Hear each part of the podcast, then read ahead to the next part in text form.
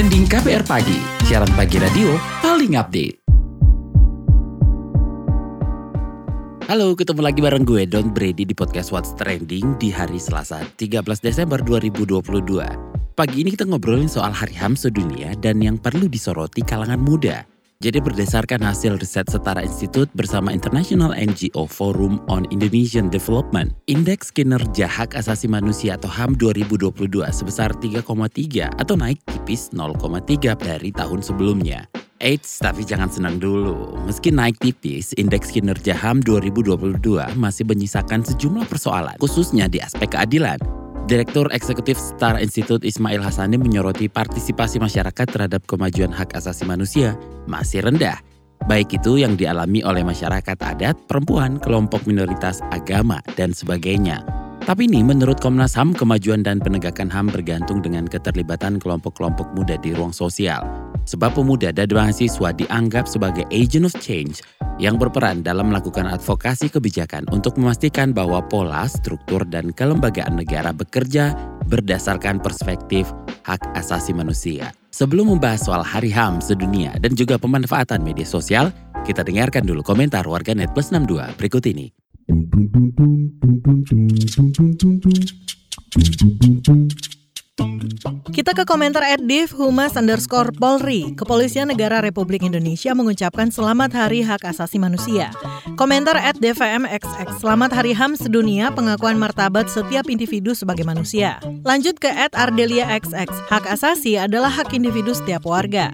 Komentar at lokataru underscore ID dari tahun ke tahun, Hari Hak Asasi Manusia Sedunia begitu sulit untuk dirayakan oleh kita yang tinggal di Indonesia. Tak hanya kita masih harus berjibaku menuntaskan masalah-masalah transisi demokrasi dari seperempat abad silam. DKXX, tema bagi sambutan Hari HAM Sedunia pada tahun ini adalah kehormatan, kebebasan, dan keadilan untuk semua. Dignity, freedom, and justice for all. Komentar AJXX, internet dan informasi adalah hak asasi manusia. Perlu kebijakan tata kelola internet yang lebih baik. Lanjut at Faisal XX, tuh seluruh rakyat Twitter tercinta, kalian pasti paham your account, your right. Kalian juga paham kalau berinternet itu hak asasi kalian. Tapi tahu nggak sih kalau misalkan kalian pakai hak itu tanpa batas, kalian bisa terjerumus. Dan terakhir komentar at Kanopi XX, lingkungan sehat tanpa polutan adalah hak asasi manusia.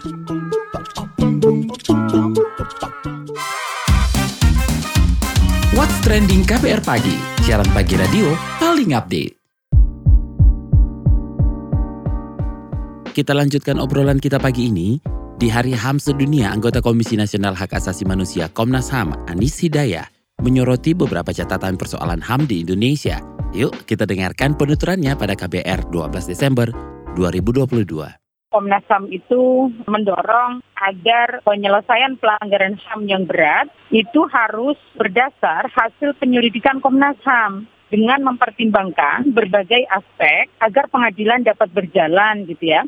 Untuk apa? Ya untuk keadilan bagi korban gitu, termasuk proses pemulihannya. Kalau KUHP memang harus diakui ada banyak catatan soal pelanggaran HAM berat yang dimasukkan di dalam KUHP gitu ya, yang itu berpotensi akan menjadi penghambat dalam penyelesaian kasus pelanggaran HAM berat, e, termasuk juga masih dimasukkannya ancaman hukuman mati, hukuman mati gitu ya sebagai bentuk pemidanaan. Meskipun bukan lagi pidana pokok, tetapi kan masih masuk sebagai pidana alternatif, termasuk pasal-pasal yang berpotensi menimbulkan pelanggaran HAM terutama soal kebebasan berekspresi ya, kebebasan uh, beragama dan berkeyakinan gitu. Nah uh, makanya kita meminta agar bagaimana dalam masa tiga tahun itu memastikan pembentukan peraturan uh, pemerintah gitu ya, yang merupakan turunan dari KUHP ini tidak mengurangi kewenangan Komnas HAM dalam penyelidikan pelanggaran HAM yang berat. Kemudian kita juga mendorong agar peraturan pemerintah turunan dari KUHP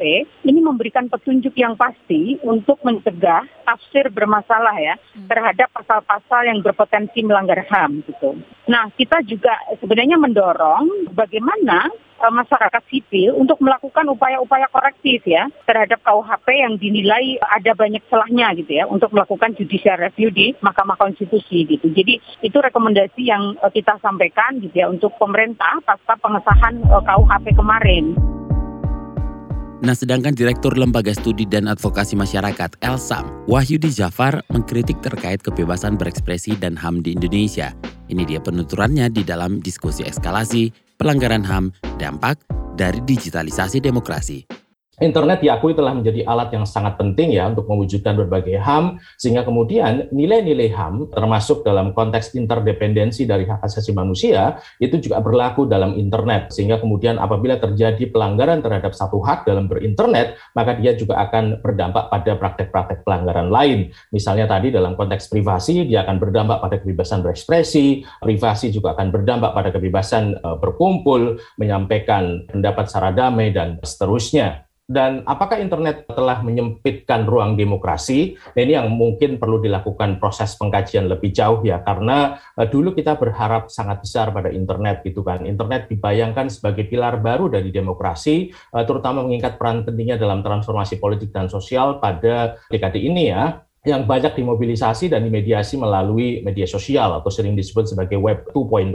Dia seperti istilahnya repertoire dalam pentas drama dalam konteks pertikaian digital antar kelompok politik di satu negara. Nah, namun pada kesempatan yang sama ternyata negara pemerintah melalui kepolisian, badan-badan keamanan dari kekuasaan juga berupaya menggunakan media sosial untuk mendemobilisasi gerakan sosial. Dengan penciptaan aturan, menggunakan teknologi untuk merepresi demokrasi dan di Indonesia kita mengenal misalnya ada fenomena buzzer ya di mana dia juga bagian dari upaya dari aparatus-aparatus negara untuk melakukan mendemobilisasi terhadap gerakan sosial itu sendiri dengan memanfaatkan media sosial atau memanfaatkan internet. Nah, ini yang kemudian tadi bisa dibaca secara jelas di Indonesia, di mana negara setelah sekian tahun berupaya untuk melakukan proses reclaiming terhadap internet dari yang sebelumnya dia menjadi makhluk bebas yang bisa dimanfaatkan, bisa diberdayakan sedemikian rupa termasuk oleh gerakan sosial, tetapi hari ini negara berupaya untuk memanfaatkan internet termasuk melalui pembentukan berbagai regulasi dan legislasi untuk membatasi internet sehingga kemudian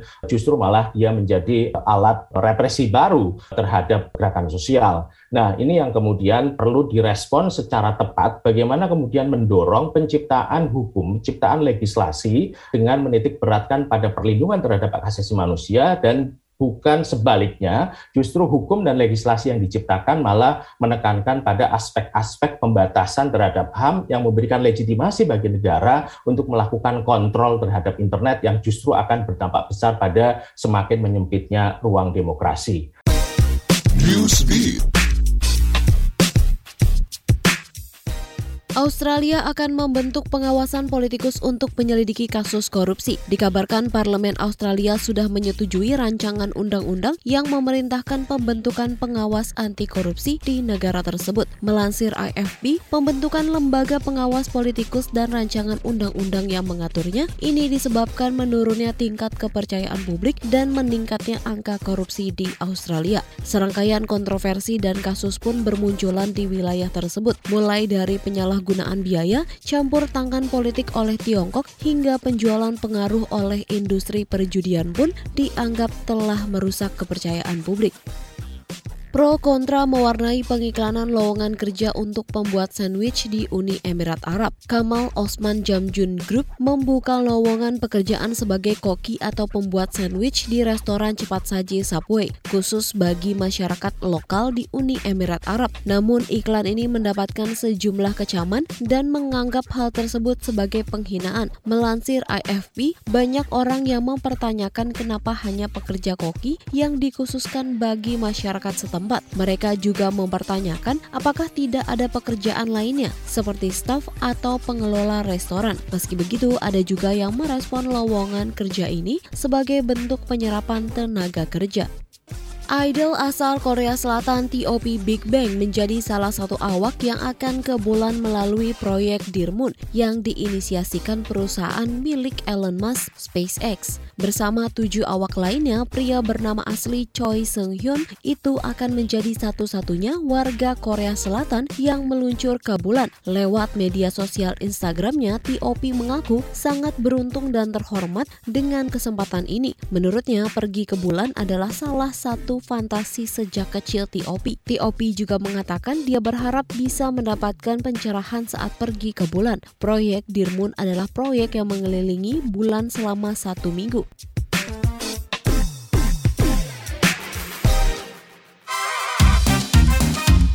What's Trending KPR Pagi, siaran pagi radio paling update. Masih bersama Don Brady dan lagi ngobrolin soal Hari HAM sedunia yang perlu disoroti kalangan muda. Nah untuk membahas soal bagaimana isu HAM disoroti di dunia digital, kita akan ngobrol bareng Wakil Ketua Setara Institut Bonar Tigor Naipospos melihat indeks HAM saat ini katanya meningkat tipis, tapi masih adakah PR uh, pemajuan HAM dan apa yang masih jadi tantangan di Bang? Indeks HAM kan kumulatif dari sejumlah indikator ya.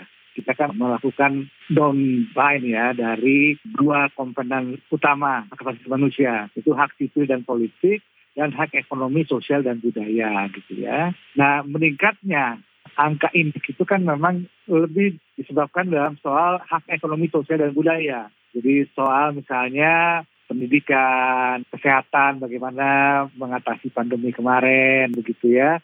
Di situ memang terlihat bahwa pemerintahan sekarang ini memang lebih fokus kepada soal itu.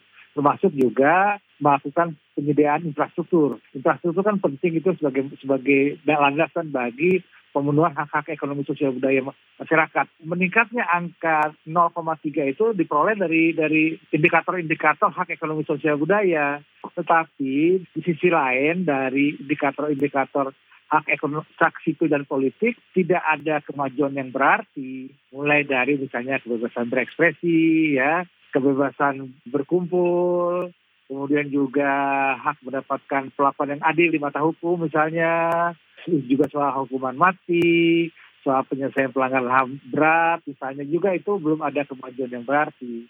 Mengapa ini perlu dianggap penting buat disoroti generasi muda dan peran apa yang bisa diambil oleh generasi muda Apalagi sekarang kan sudah era serba digital nih. Iya, bagaimanapun juga kan hak asasi manusia ini kan menjadi norma internasional ya. Norma bersama dalam kita bergaul sebagai manusia di, bukan hanya di tingkat domestik, tingkat nasional, tapi juga di internasional. Ini memang menjadi standar gitu loh ya, yang harus menjadikan represi jadi rujukan. Kali kita menjadi anggota PBB, kita harus kemudian me mengakomodir atau istilahnya meratifikasi sejumlah peraturan-peraturan, sejumlah perjanjian-perjanjian internasional hak asasi manusia ke dalam dalam peraturan-peraturan domestik, dalam peraturan-peraturan nasional, dan itu harus disosialisasikan kepada warga, termasuk juga secara generatif, secara turun-temurun. Jadi menjadi penting bagi generasi milenium, generasi Z itu adalah kemudian juga menjadikan hak asasi manusia sebagai sebagai salah satu pegangan ya selain agama ya dalam kehidupan sosial dalam berinteraksi dengan manusia gitu loh.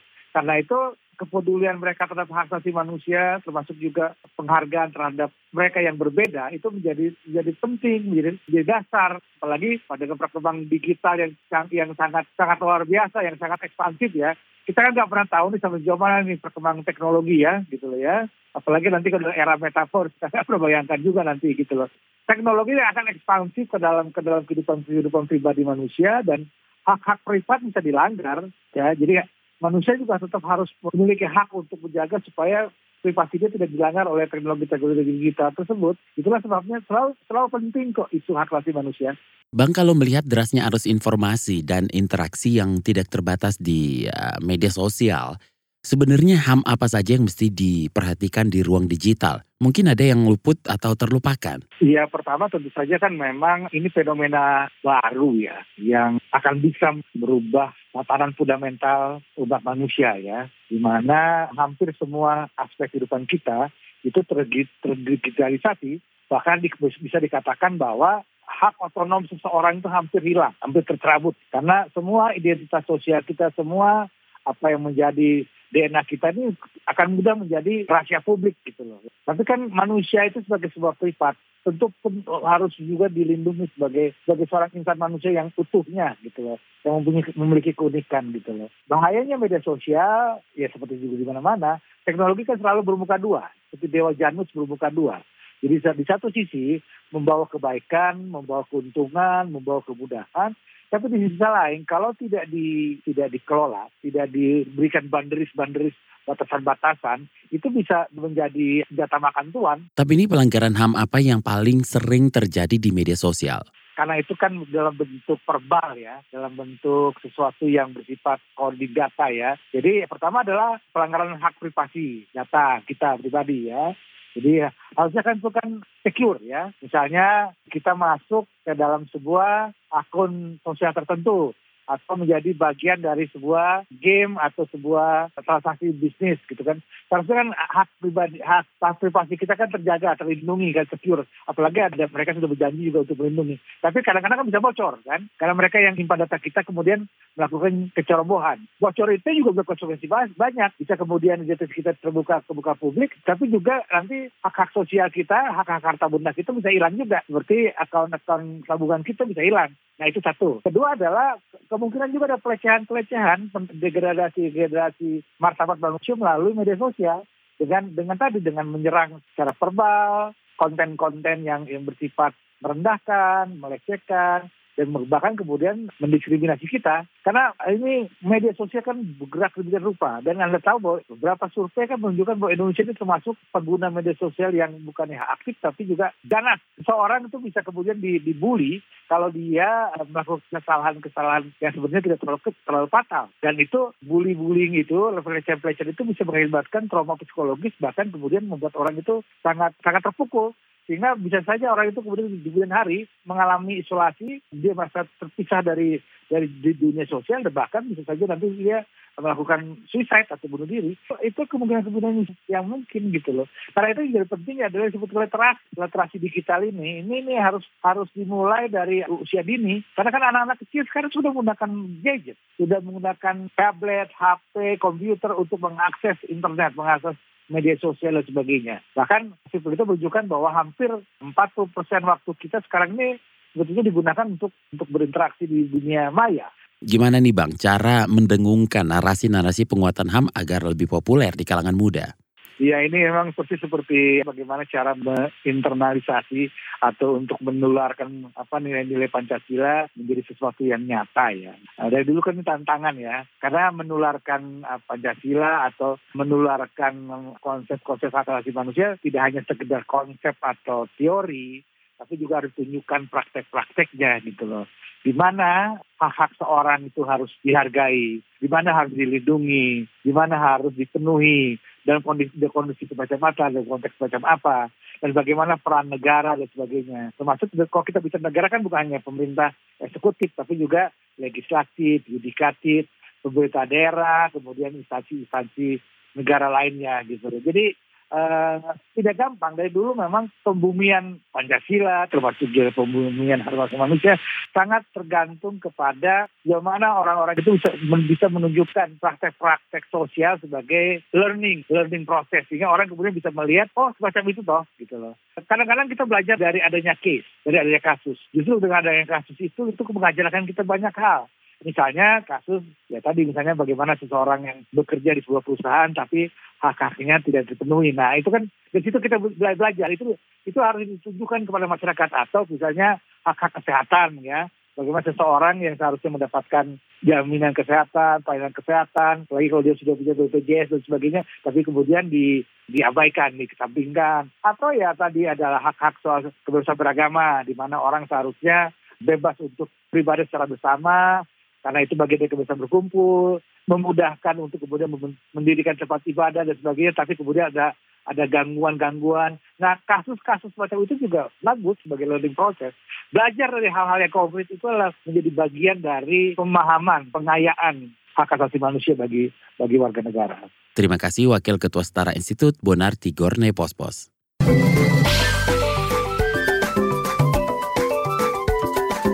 WhatsApp Indonesia.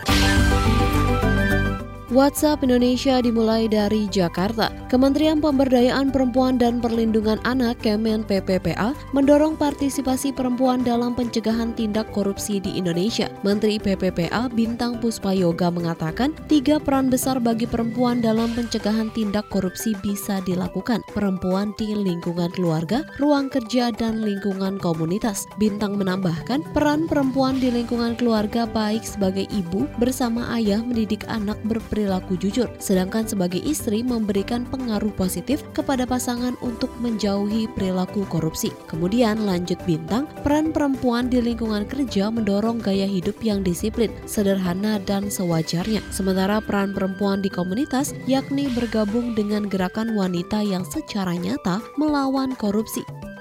Masih dari Jakarta, Kementerian Pemberdayaan Perempuan dan Perlindungan Anak Kemen PPPA juga mengajak semua pihak untuk berani bersuara dan bertindak jika menemukan kasus kekerasan terhadap perempuan. Ini disampaikan Menteri PPPA Bintang Puspayoga dalam rangkaian peringatan 16 Hari Anti Kekerasan terhadap Perempuan 16 HAKTP. Menteri Bintang pun menyerukan kampanye Dare to Speak Up di HAKTP tahun ini. Berdasarkan survei Kementerian PPPA pada 2021, tercatat satu dari empat perempuan berusia 15 sampai 64 tahun pernah mengalami kekerasan fisik atau kekerasan seksual. Karena itu, Menteri Bintang juga mengajak seluruh lapisan masyarakat bersama-sama melawan dan menolak segala bentuk kekerasan terhadap perempuan. Terakhir mampir Bali, Wakil Menteri Pariwisata dan Ekonomi Kreatif Wamen Parekraf Angela Tanu Sudibyo mengatakan Bali Digital Fashion Week 2022 menjadi terobosan baru dalam dunia fashion Indonesia yang memanfaatkan teknologi augmented reality, virtual reality, experience NFT, dan metaverse. Bali Digital Fashion Week 2022 sendiri diadakan pada 10-16 Desember 2022. Ajang Bali Digital Fashion Week 2022 diklaim mampu mengembangkan kreativitas dan inovasi di bidang fashion yang dipertemukan dengan teknologi blockchain. Melansir Raman Kemenparekraf, digital fashion disebut menunjukkan potensi pelestarian budaya di dunia maya tanpa batas geografis dan pemasaran melalui metaverse memiliki potensi yang sangat besar ke depannya. Bloomberg memproyeksikan metaverse akan menjadi masa depan internet dengan nilai yang ditaksir mencapai 800 miliar dolar AS pada 2024. Demikian Demikian WhatsApp Indonesia hari ini.